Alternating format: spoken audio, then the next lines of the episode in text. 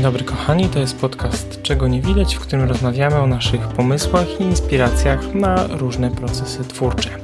Dzisiejszym moim gościem jest Bogusława Górny, fotograf, którą możecie oczywiście znaleźć w internecie, natomiast o swoich social mediach Bubu opowie sama, bo konto jest więcej niż jedno. Nie przedłużając, więc zapraszam Was do posłuchania dzisiejszego wywiadu.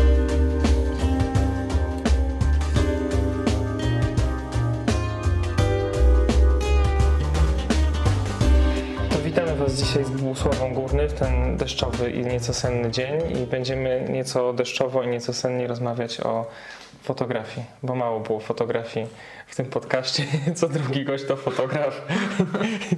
Wcale nie ma tu żadnej skazy, e, jeżeli chodzi o moje myślenie. Także Bogusława Górny, znana również jako Bubu, fotograf przede wszystkim, e, jeżeli chodzi o branżę, no to należałoby powiedzieć, że beauty oraz ślubną. Czy się mylę? No, można tak powiedzieć.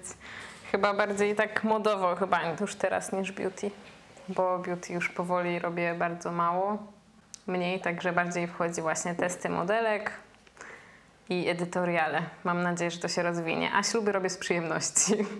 Jest, jesteś jedną z nielicznych osób, które śluby robią z przyjemności, e, także zazdroszczę się tego talentu, bo na to zawsze jest rynek, na to zawsze jest zapotrzebowanie. Ja po prostu lubię wesela. Co jest takiego fajnego w weselach? Że można tańczyć, jeść. No ale to jako fotograf możesz na weselach tańczyć i jeść? No oczywiście, przecież każdy ma przerwę na jedzenie, a ja sobie tańczę z aparatem. No, w sensie nie tańczę z ludźmi, tylko sobie tańczę z aparatem między ludźmi. Jest bardzo odstresowujące po takim siedzeniu w studio cały czas. Okej, okay, opowiedz mi trochę o swoich Instagramach, bo jest ich więcej niż jeden. Boże. No tak. No tak, żeby cię można było też znaleźć, nie? Mm, no tak, ja prowadzę trzy Instagramy. E, pierwszy, mój główny, któremu poświęcam najwięcej uwagi, no to jest Bubuslawa Gorny i to jest właśnie mój e, modowy. I tam też dużo opowiadam o fotografii. Staram się raczej, znaczy czasami się nawet zdarza, że nagram jakiegoś live'a, żeby coś więcej powiedzieć. E, no i w sumie mu przykładam najwięcej uwagi. Tam znajdują się wszystkie zdjęcia modowe, wszystkie modelki, trochę backstage, coś takiego. Drugim moim kontem jest e, Bubuslawa i to jest konto, które kiedyś było kontem głównym, ale już nie jest.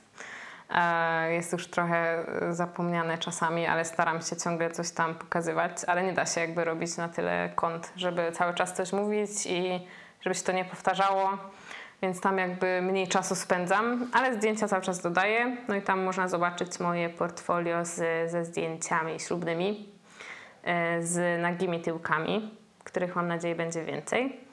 E, oraz właśnie zdjęcia takie bardziej lifestyle'owe.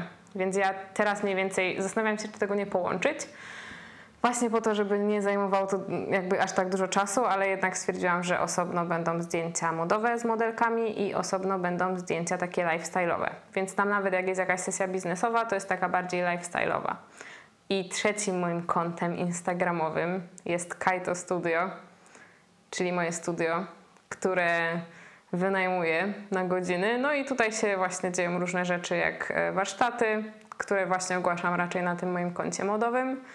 E, raczej jest takie konto bardziej pokazowe, także tam czasami wrzucam jakieś backstage, e, staram się udostępniać zdjęcia ludzi, którzy to studio wynajmują.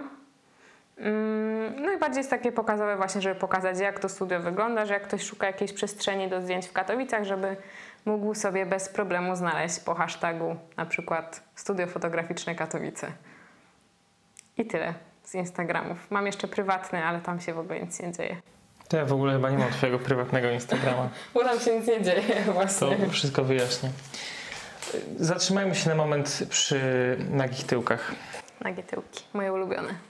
No właśnie, skąd się, skąd się w ogóle wzięły nagie tyłki? Ja w ogóle zawsze sobie marzyłam, żeby zrobić takie zdjęcia właśnie nagie w lesie z parą. E, żeby mieć parę, która mi się rozbierze i właśnie, że mogła im zrobić zdjęcia.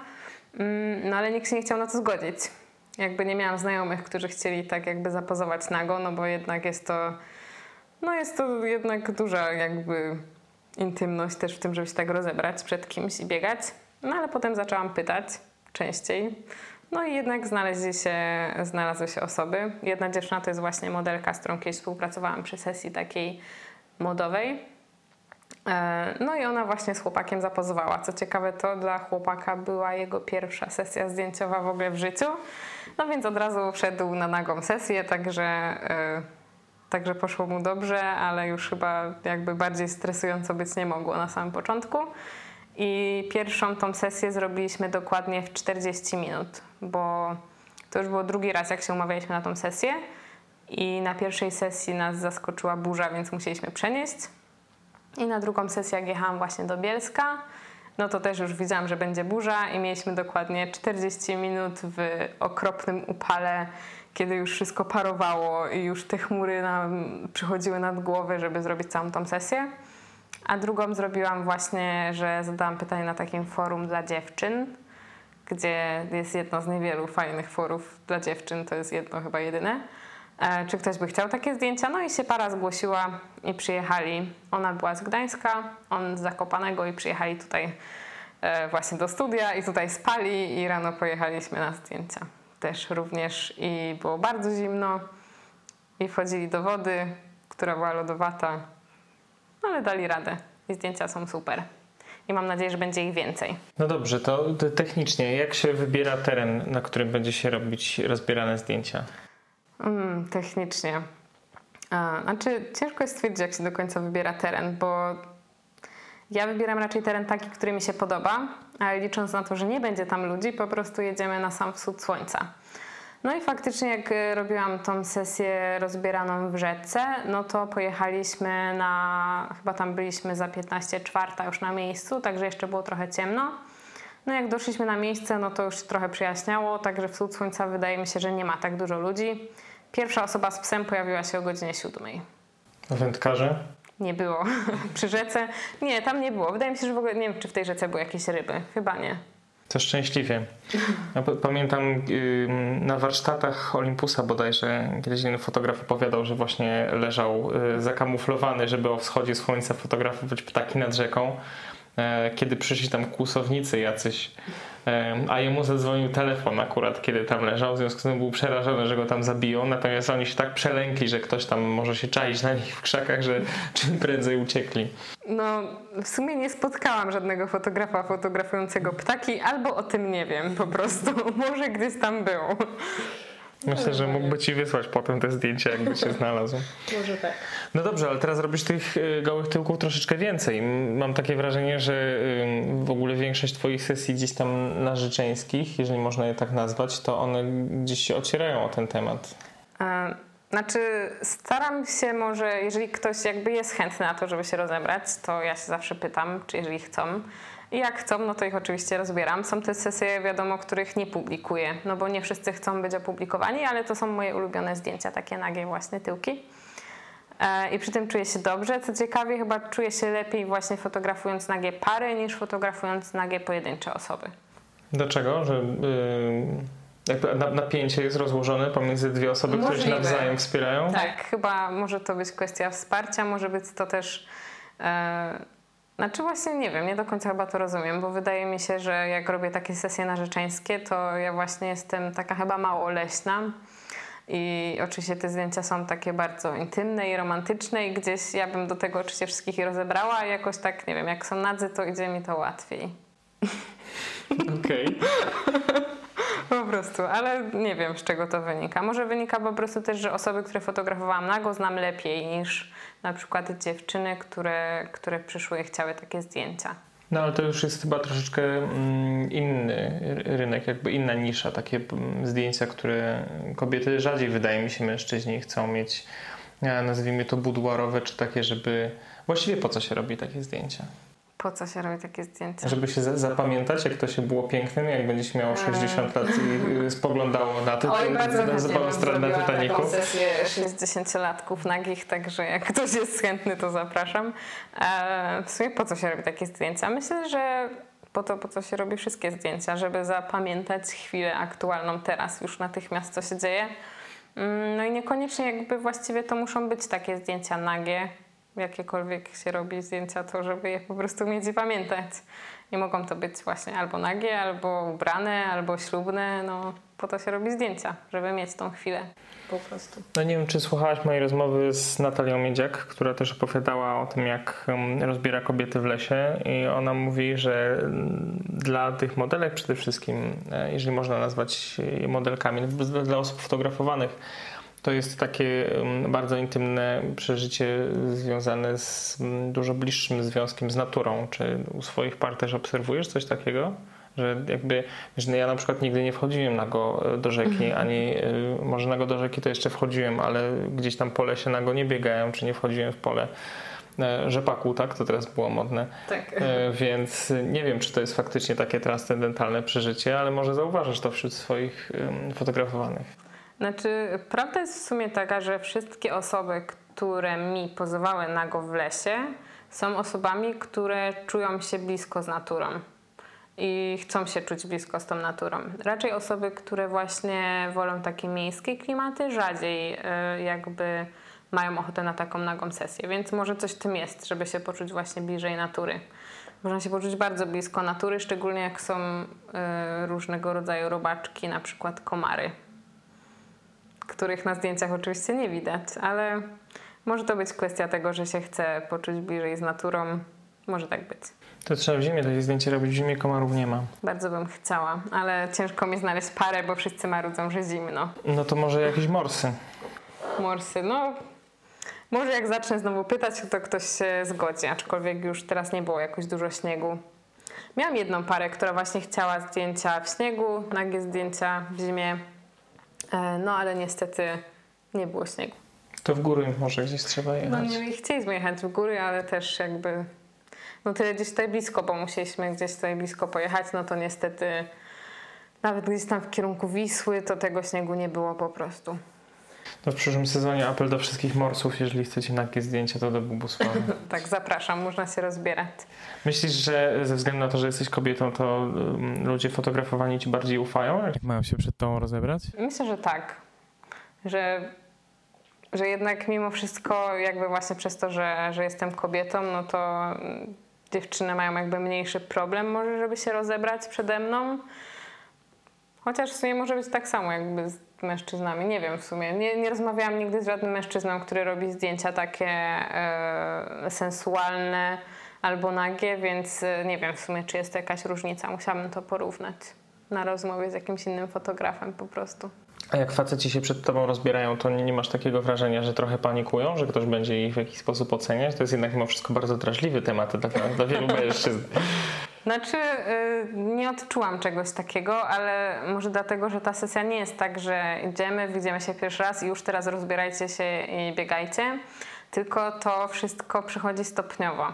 I nawet jak mieliśmy te 40 minut, no to ta sesja po prostu przychodziła stopniowo, że najpierw zaczęliśmy powoli, w ciuchach, jakieś zdjęcia dla cioci na komodę, żeby sobie mogła postawić, albo dla babci do ramki, takie wiadomo, standardowe ładne, ubrane przede wszystkim. No a potem gdzieś tam powoli po prostu się, e, się rozbierali, więc to nie jest tak, że przychodzą, ściągają ciuchy i biegną, tylko raczej jest to kwestia, że, że po prostu idzie to naturalnie, więc raczej nie zauważyłam, żeby to był jakiś taki e, problem, że się mężczyźni rozbierają.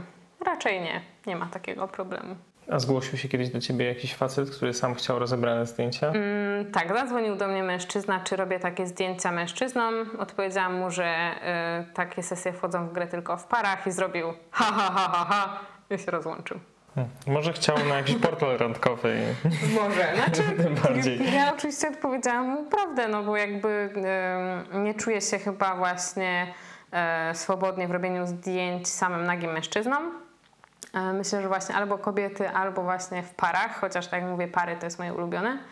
E, no i po prostu chciałam go odesłać do kogoś innego, ale już zdążył się roześmiać i rozłączyć, więc nie wiem. Rozumiem. Z, z, z, trójki osób, które z którymi prowadziłem wywiady, jeżeli chodzi o fotografów, um, którzy gdzieś tam mają jakąś swoją specjalizację, to myślę, że byście się super dogadali z Adamem, który fotografuje tylko mężczyzn, z Natalią, która fotografuje tylko kobiety i ty, która najbardziej lubi fotografować pa, pa, pary.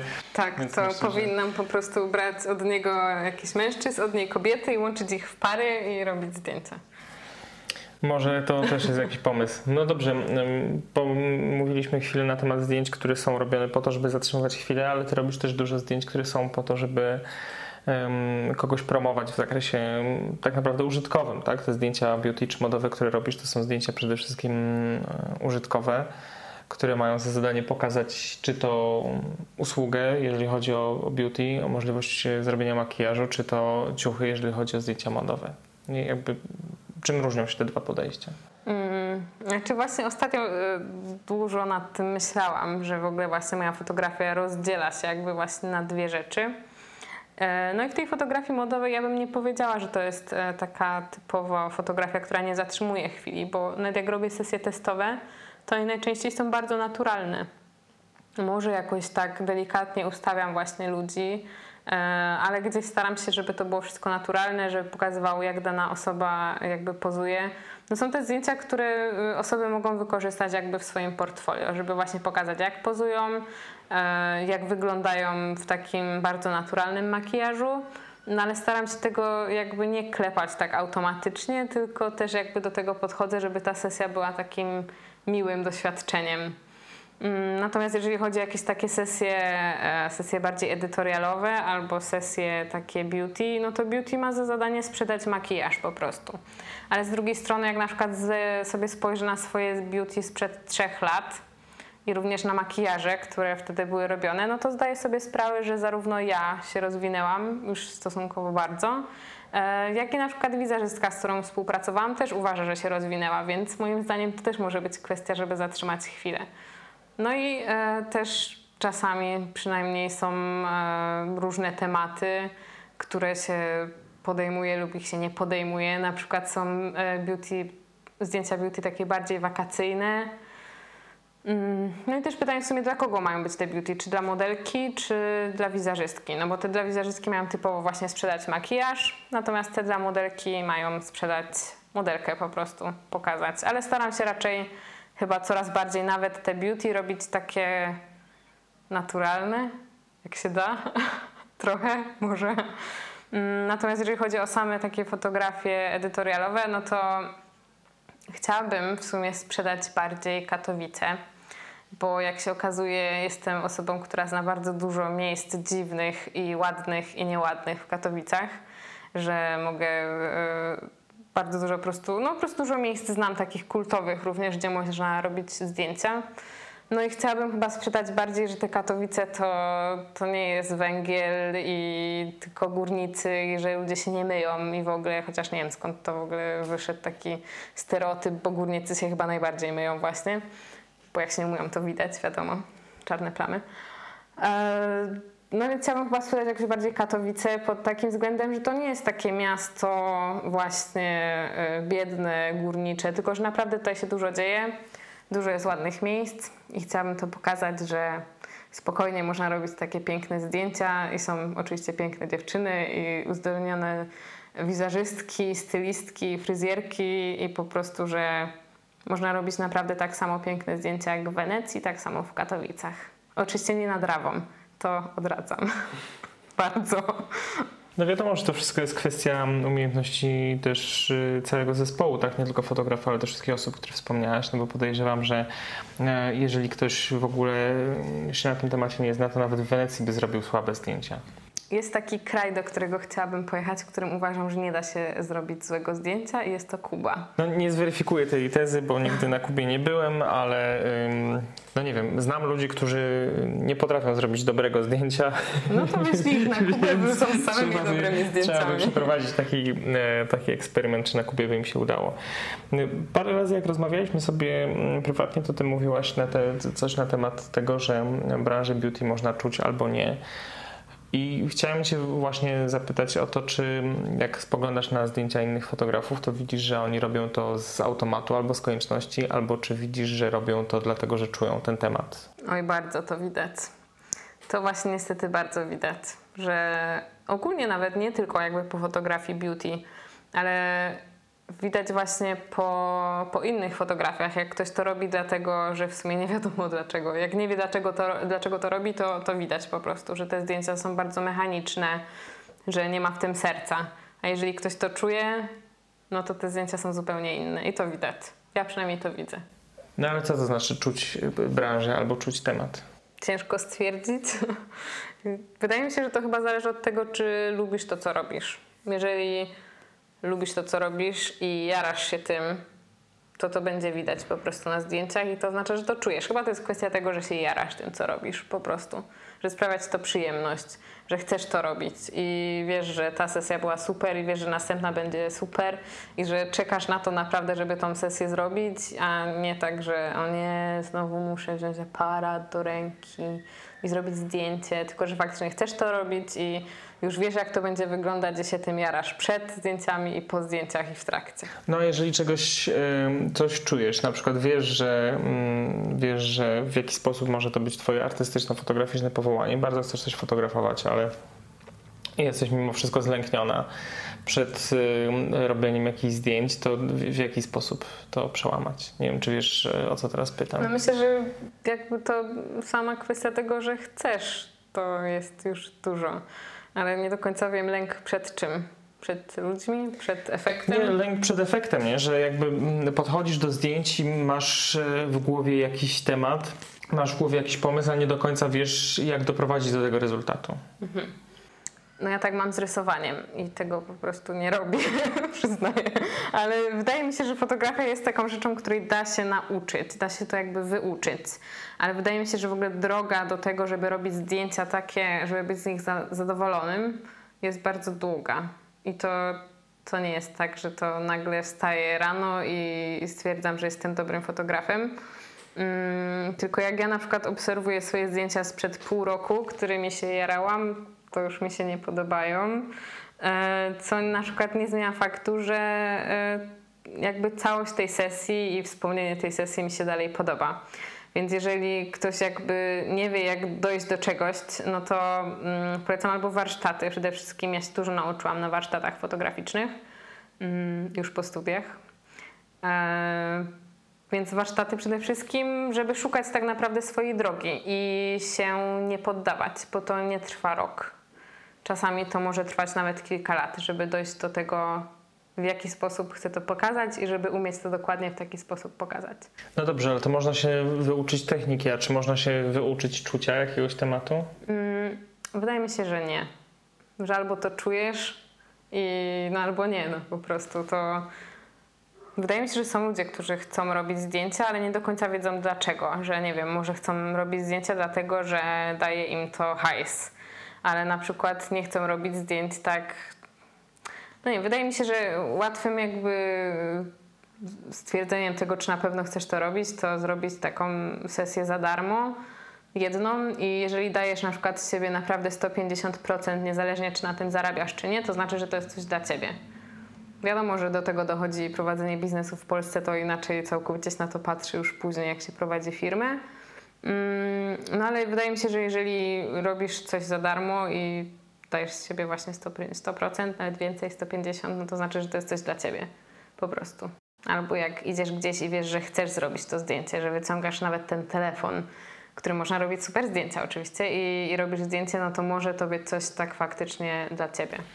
No właśnie, to jak wszyscy teraz mają telefony w kieszeniach i każdy z tych telefonów robi zdjęcia, telefony robią coraz lepsze zdjęcia, to jest w ogóle zabawne, że średni, teraz średnia ilość megapikseli w aparacie dostępnym w telefonie na rynku jest podejrzewam dwukrotnie większa niż średnia ilość megapikseli dostępna przeciętnie w, w, w, tele, w, w aparacie fotograficznym dostępnym na rynku.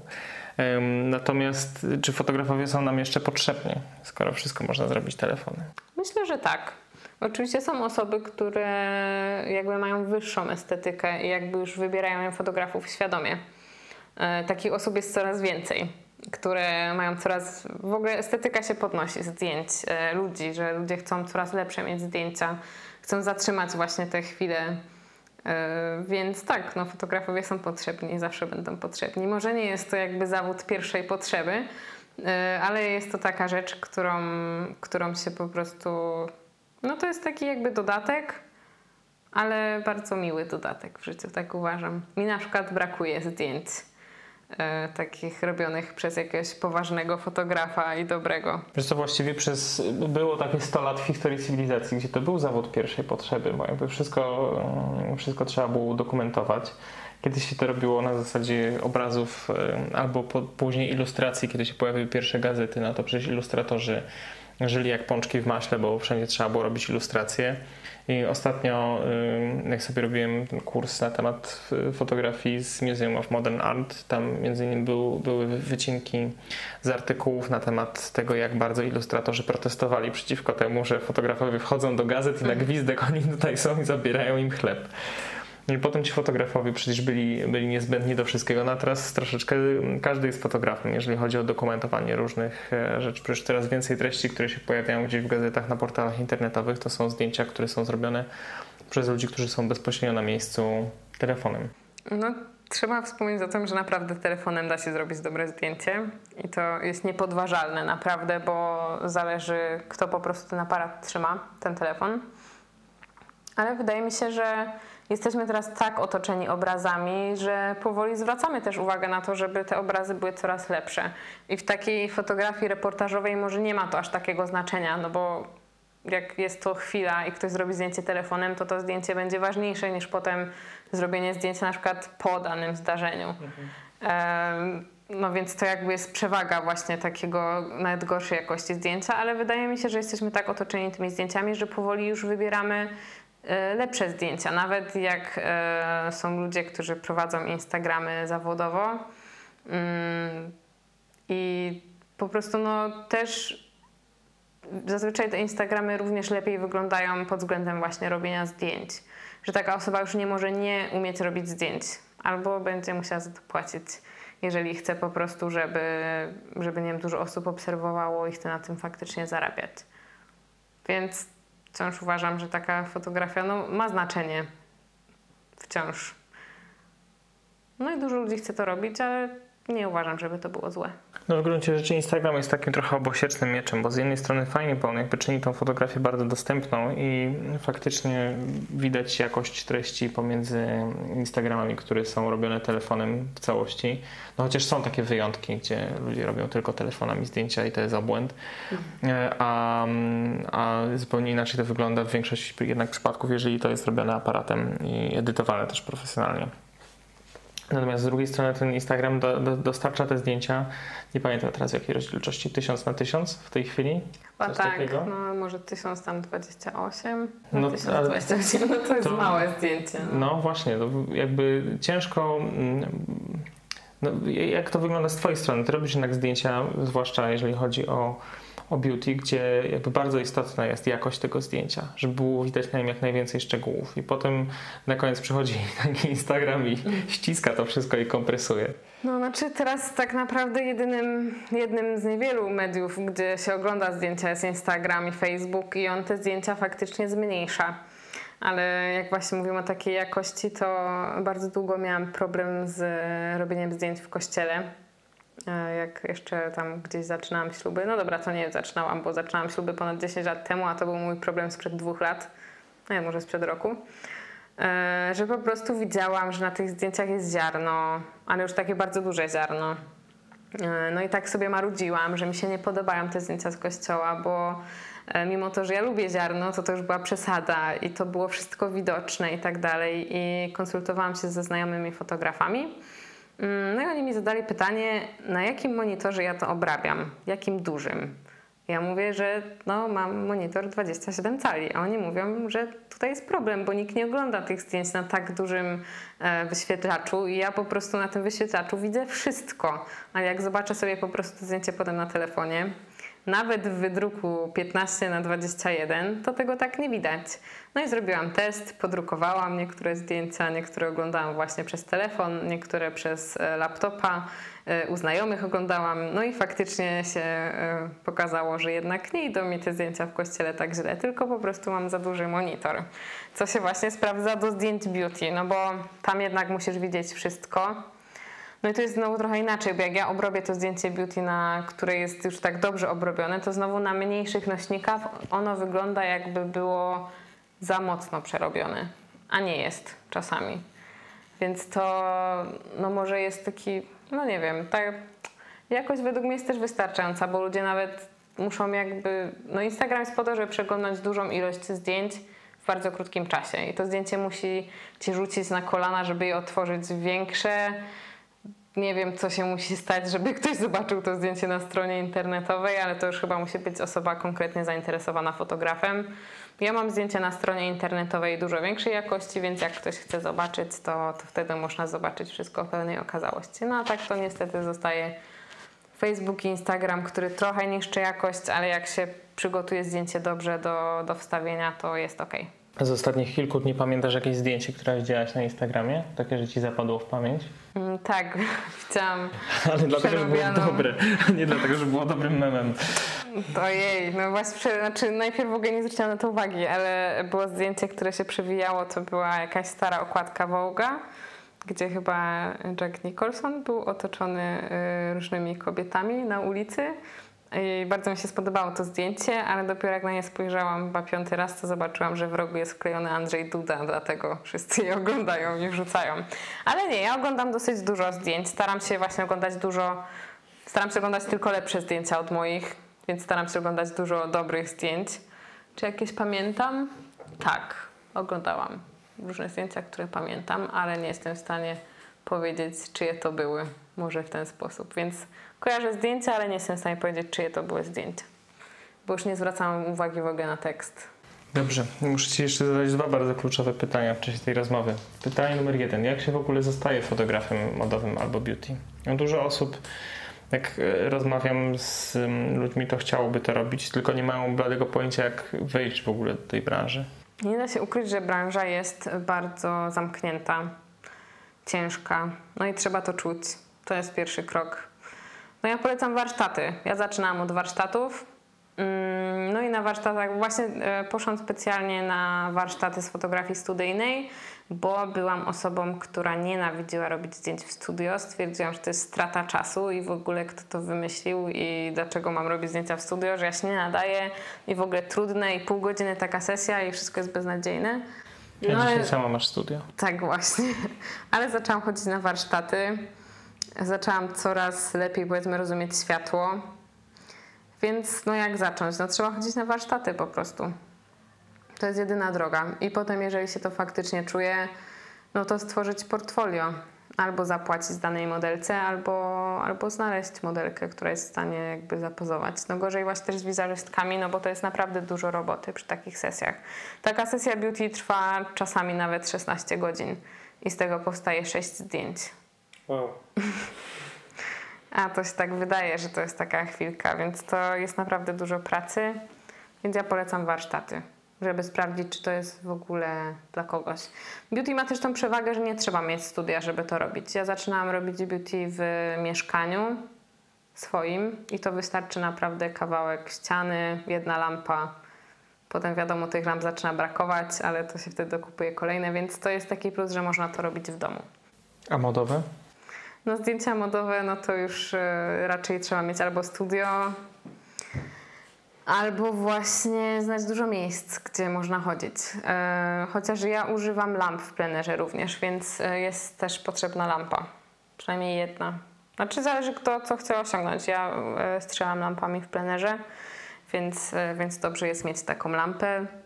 No i tutaj już wychodzi jakby większa ekipa, no bo oprócz modelki, wizerzystki musisz mieć fryzjerkę, no i stylistkę, jeżeli nie jesteś w stanie tego zrobić. Fotograf musi być taką trochę orkiestrą czasami, że musi robić wszystko.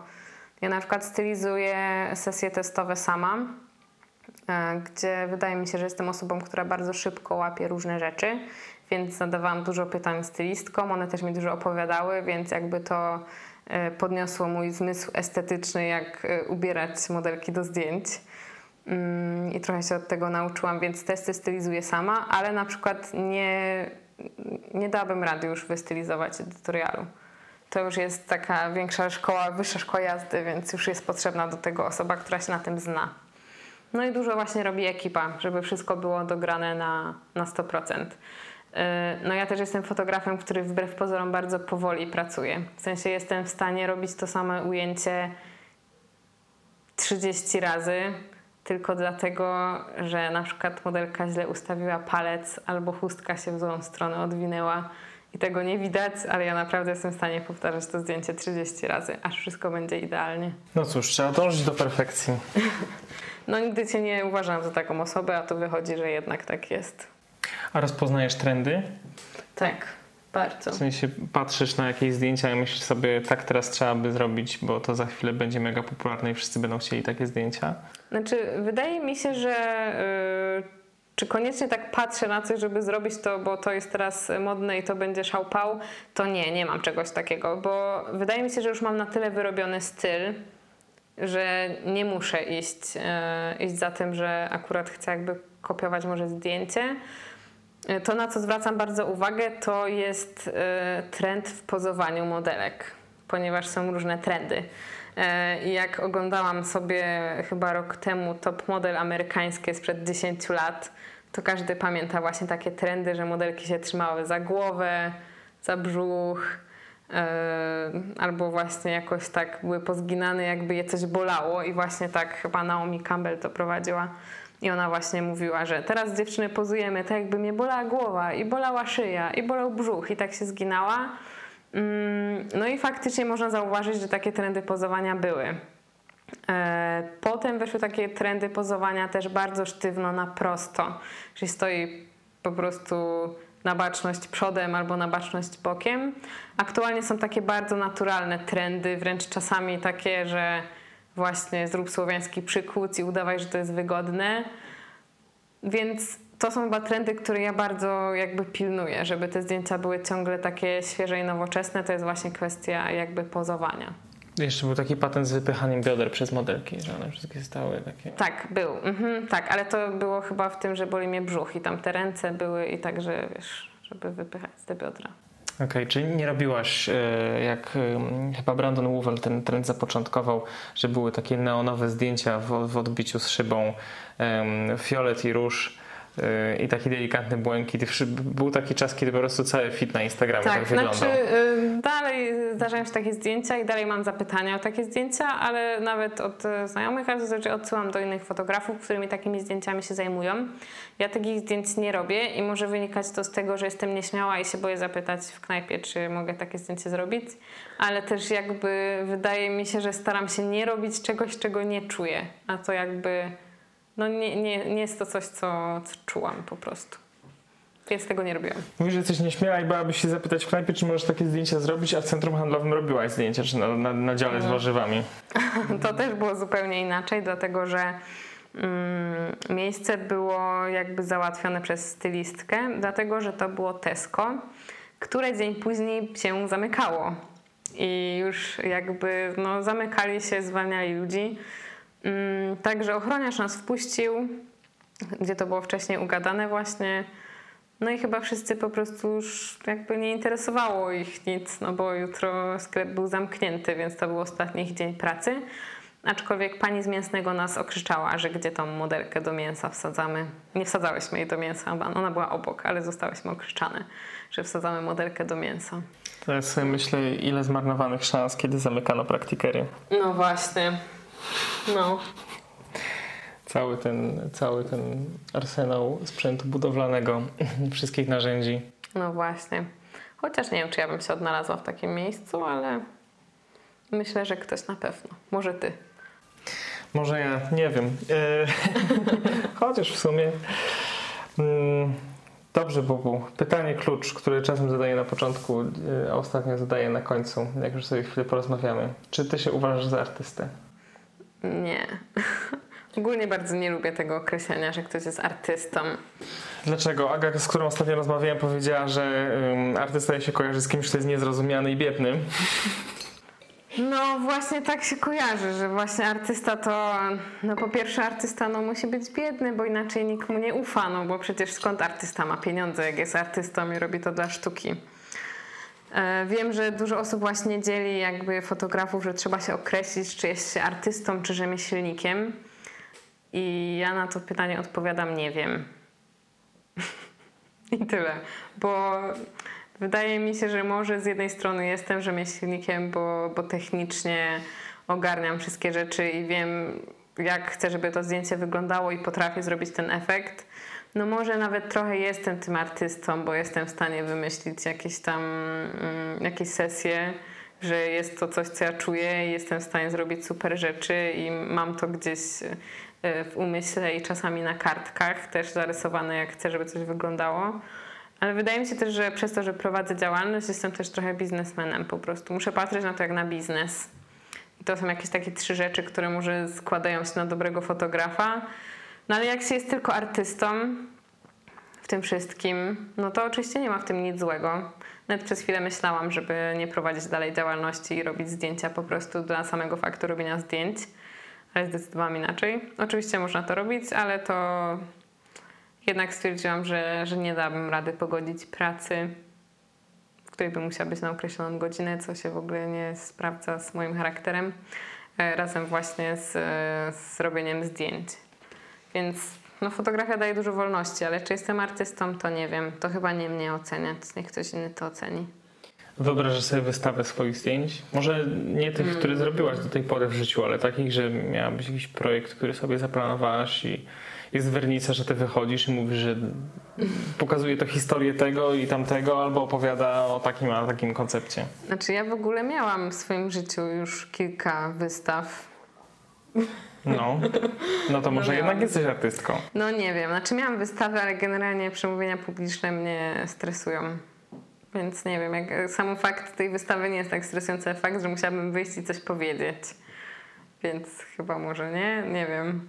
E, znaczy nie lubię też dodawać jakby filozofii do jakiegoś, nie wiem, konkretnego tekstu do zdjęć, które mają tak naprawdę przedstawiać zupełnie coś innego, albo mają po prostu pokazywać piękno i nie lubię do tego dopisywać filozofii żadnej.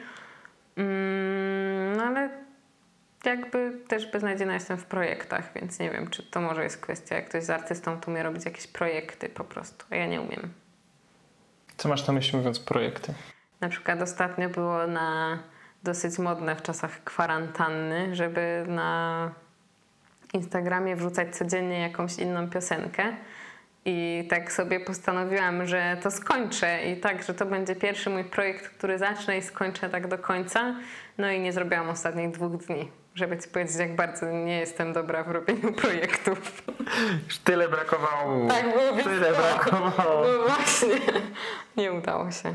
No. Więc oczywiście są zdjęcia, które czasem robię i chcę poruszyć jakiś konkretny temat. No i wtedy jakby to robię, ale jakby nie widzę się chyba w takich długotrwałych projektach, żebym miała zrobić jakby dużo sesji właśnie pod jeden temat i zobaczymy jak to się skończy, skoro się zapisałam na studia. No cóż, powodzenia. Jakie studia?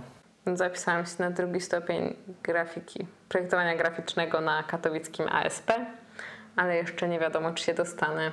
Także jeszcze nie mam wysokich nadziei, jakby dużych nadziei nie mam. E, jeszcze poczekamy i zobaczymy. Kurczę, ja już chyba nie potrafię się tak uczyć. W sensie, jeżeli chcę się czegoś nauczyć, to siedzę i czytam. Ostatnio czytałem na temat. Yy Boże, jak to nazwisko się e, nazywa? Stała Brustera. W jaki sposób e, światło się załamuje w wodzie i jakie filtry polaryzacyjne są niezbędne do tego, żeby fotografować wodę tak, żeby wydawała się przejrzysta. I z jakiegoś powodu udało mi się przebrnąć przez trzy prace naukowe i spędzić na tym 4,5 godziny czytając na jakiej zasadzie to ma działać, ale jakby ktoś mi kazał coś przeczytać, a potem zdać z tego egzamin, to chyba bym nie dał rady. To jest właśnie coś, co mnie przeraża, co jest właśnie ciekawe, bo jak potrzebuję się czegoś nauczyć albo czegoś dowiedzieć, albo chcę znaleźć jakąś inspirację, to jestem w stanie to robić właśnie dla siebie, ale jak na studiach dostanę jakiś dziwny przedmiot, który będę musiała właśnie zaliczyć jakimś egzaminem, to obawiam się tego, że może być ciężko. Właśnie szczególnie przy przy trybie, jaki mam teraz, kiedy pomimo tej kwarantanny przez ostatnie dwa miesiące miałam dwa dni wolnego. Także z tego wolnego czasu zapisałam się aż na studia. Dzienne tak się, tak się upiłaś tymi dwoma dniami. tak, te dwa dni stwierdził, że to nie może tak być, że ja się nudzę. Zapiszę się na studia, bo co mi się będzie nudzić.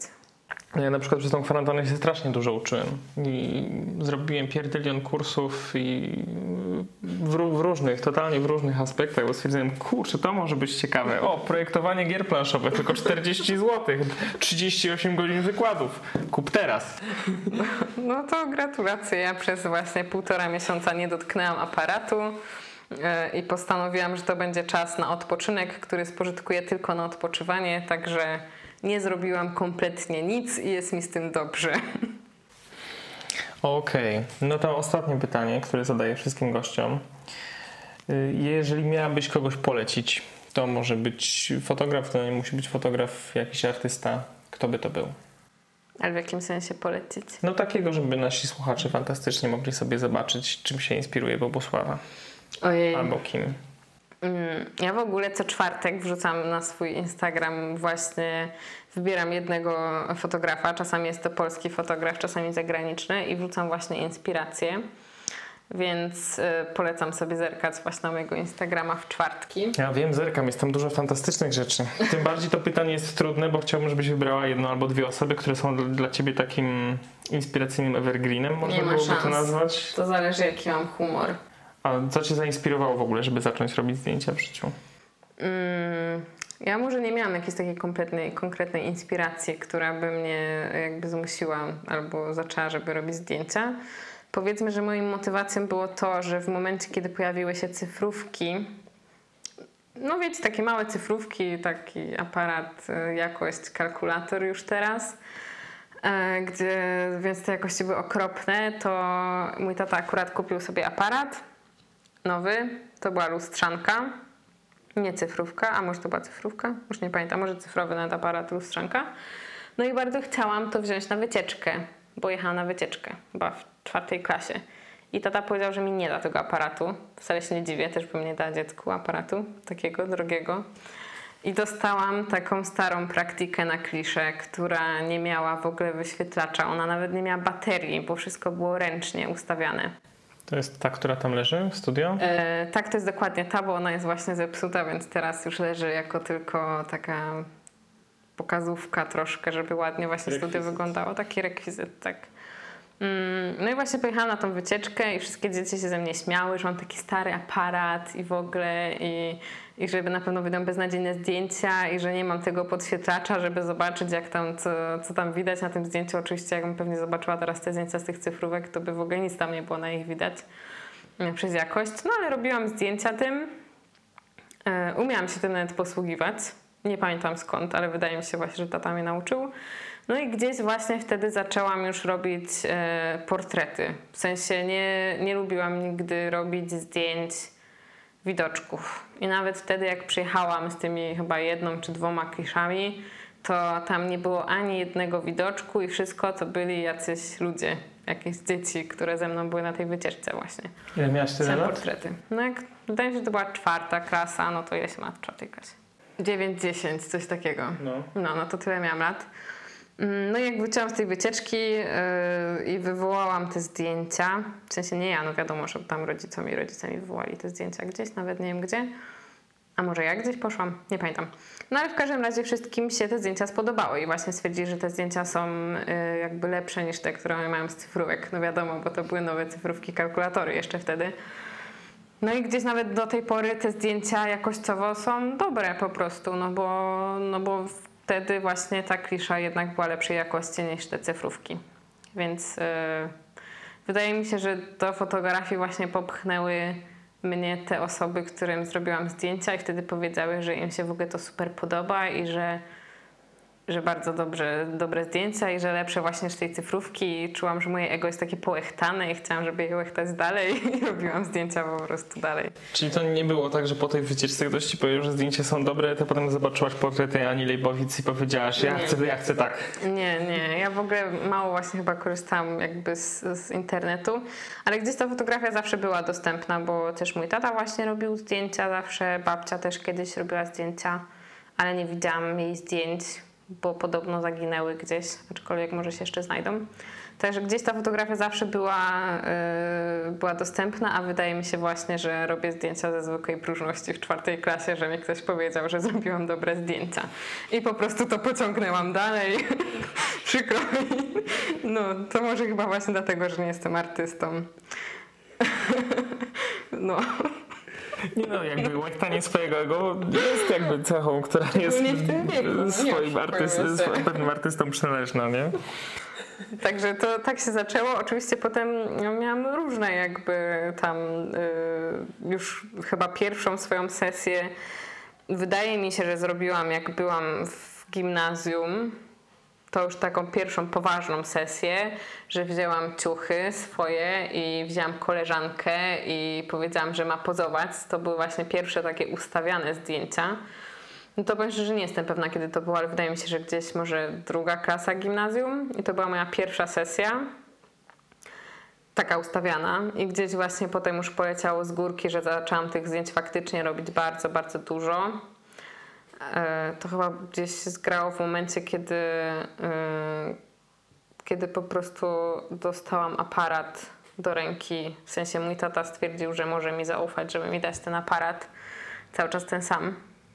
Mm, no więc zaczęłam po prostu z tego aparatu korzystać. Zaczęłam robić te zdjęcia i stwierdziłam wtedy właśnie, że może faktycznie jest coś, co chcę przez te zdjęcia pokazać. Jakieś tam przez w trakcie liceum robiłam jeszcze może jakieś projekty właśnie takie bardziej, które miały opisywać jakieś historie, może były jakieś bardziej mroczne. Zrobiłam też pierwszy ślub w wieku 16 lat. I do tej pory uważam, że nie zrobiłam tym ludziom krzywdy. W sensie, jak na te zdjęcia patrzę, to one są po prostu e, dobre. Wiadomo, że robię teraz dużo lepsze, ale uważam, że to co najważniejsze to, że nie zrobiłam im krzywdy. I tym staram się też w sumie kierować dalej w zdjęciach ślubnych, żeby nie iść właśnie za modą, tylko żeby te zdjęcia ciągle. Właśnie, że jak ktoś na nie spojrzy za już za 15 lat, żeby nie stwierdził, że jednak te zdjęcia są okropne, jak to się czasami zdarza. Nigdy na przykład właśnie nie robiłam zdjęcia, kiedyś była taka moda, że całe zdjęcie było czarno-białe, a jedna tylko rzecz była kolorowa. O Chryste, no. Tak, była taka moda. Zrobiłam takie zdjęcie jedno, ale stwierdziłam, że mi się to nie podoba. Ja dwa. Jest mi wstyd do dzisiaj. Więc wydaje mi się po prostu, że, że może przez to, że nie idę tak za tą modą, tylko robię po prostu tak, jak czuję i ewentualnie właśnie jakby tylko te pozy gdzieś zmieniam że moim może głównym mottem przy robieniu właśnie zdjęć jakichś takich ślubnych i, i rodzinnych to jest to, żeby nie zrobić komuś krzywdy tych, tym zdjęciom, żeby po prostu, że jak zerknie, to niech właśnie za 15 lat, żeby nie stwierdził, że to jest w ogóle przypałowe, bo, bo wtedy była taka moda, tylko żeby stwierdził, że dalej te zdjęcia są ok. No to polecisz kogoś czy nie? No nie, no nie, naprawdę. Kogo ja mogła polecić? Chyba z takich osób, które mi się najbardziej chyba podobają, to Dawid LaChapelle nie wiem, jak się to czyta, ale chyba La Chapelle, La Chapelle, tak się czyta. I on ma dosyć takie zdjęcia, że jak myślę czasami, że za bardzo odleciałam z moimi zdjęciami, to patrzę na jego zdjęcia i wiem, że nie. Że nie odleciałam, że on po prostu zawsze bardziej odle odleci.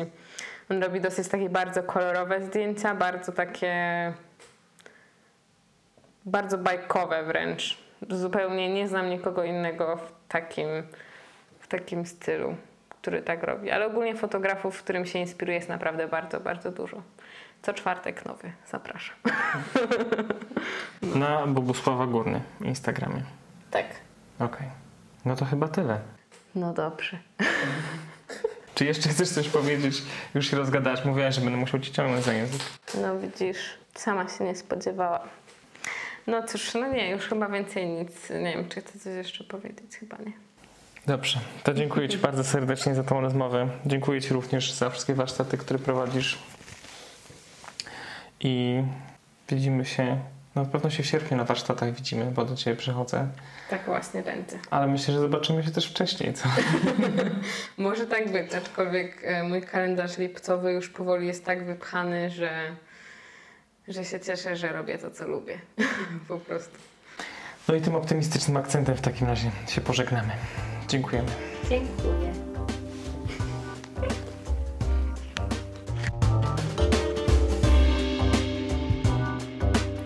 Dziękuję Wam za wysłuchanie naszej rozmowy, a jeżeli w trakcie pomyśleliście sobie, że właściwie też moglibyście powiedzieć coś o tym, w jaki sposób tworzycie, co tworzycie jakie ciekawe macie pomysły, to śmiało dajcie znać, wejdźcie na stronę www.kapitanświatełko.pl, pisane oczywiście bez polskich znaków, łamane na podcast i tam będziecie mogli skontaktować się ze mną. Ostatnio odcinków jakby trochę mniej ze względu na to, że pandemia umożliwiła wyjście na ulicę i do lasu oraz robienie swoich własnych zdjęć, ale nie martwcie się, na pewno coś w najbliższym czasie jeszcze nagramy. To byłoby więc na tyle. Trzymajcie się ciepło i do usłyszenia.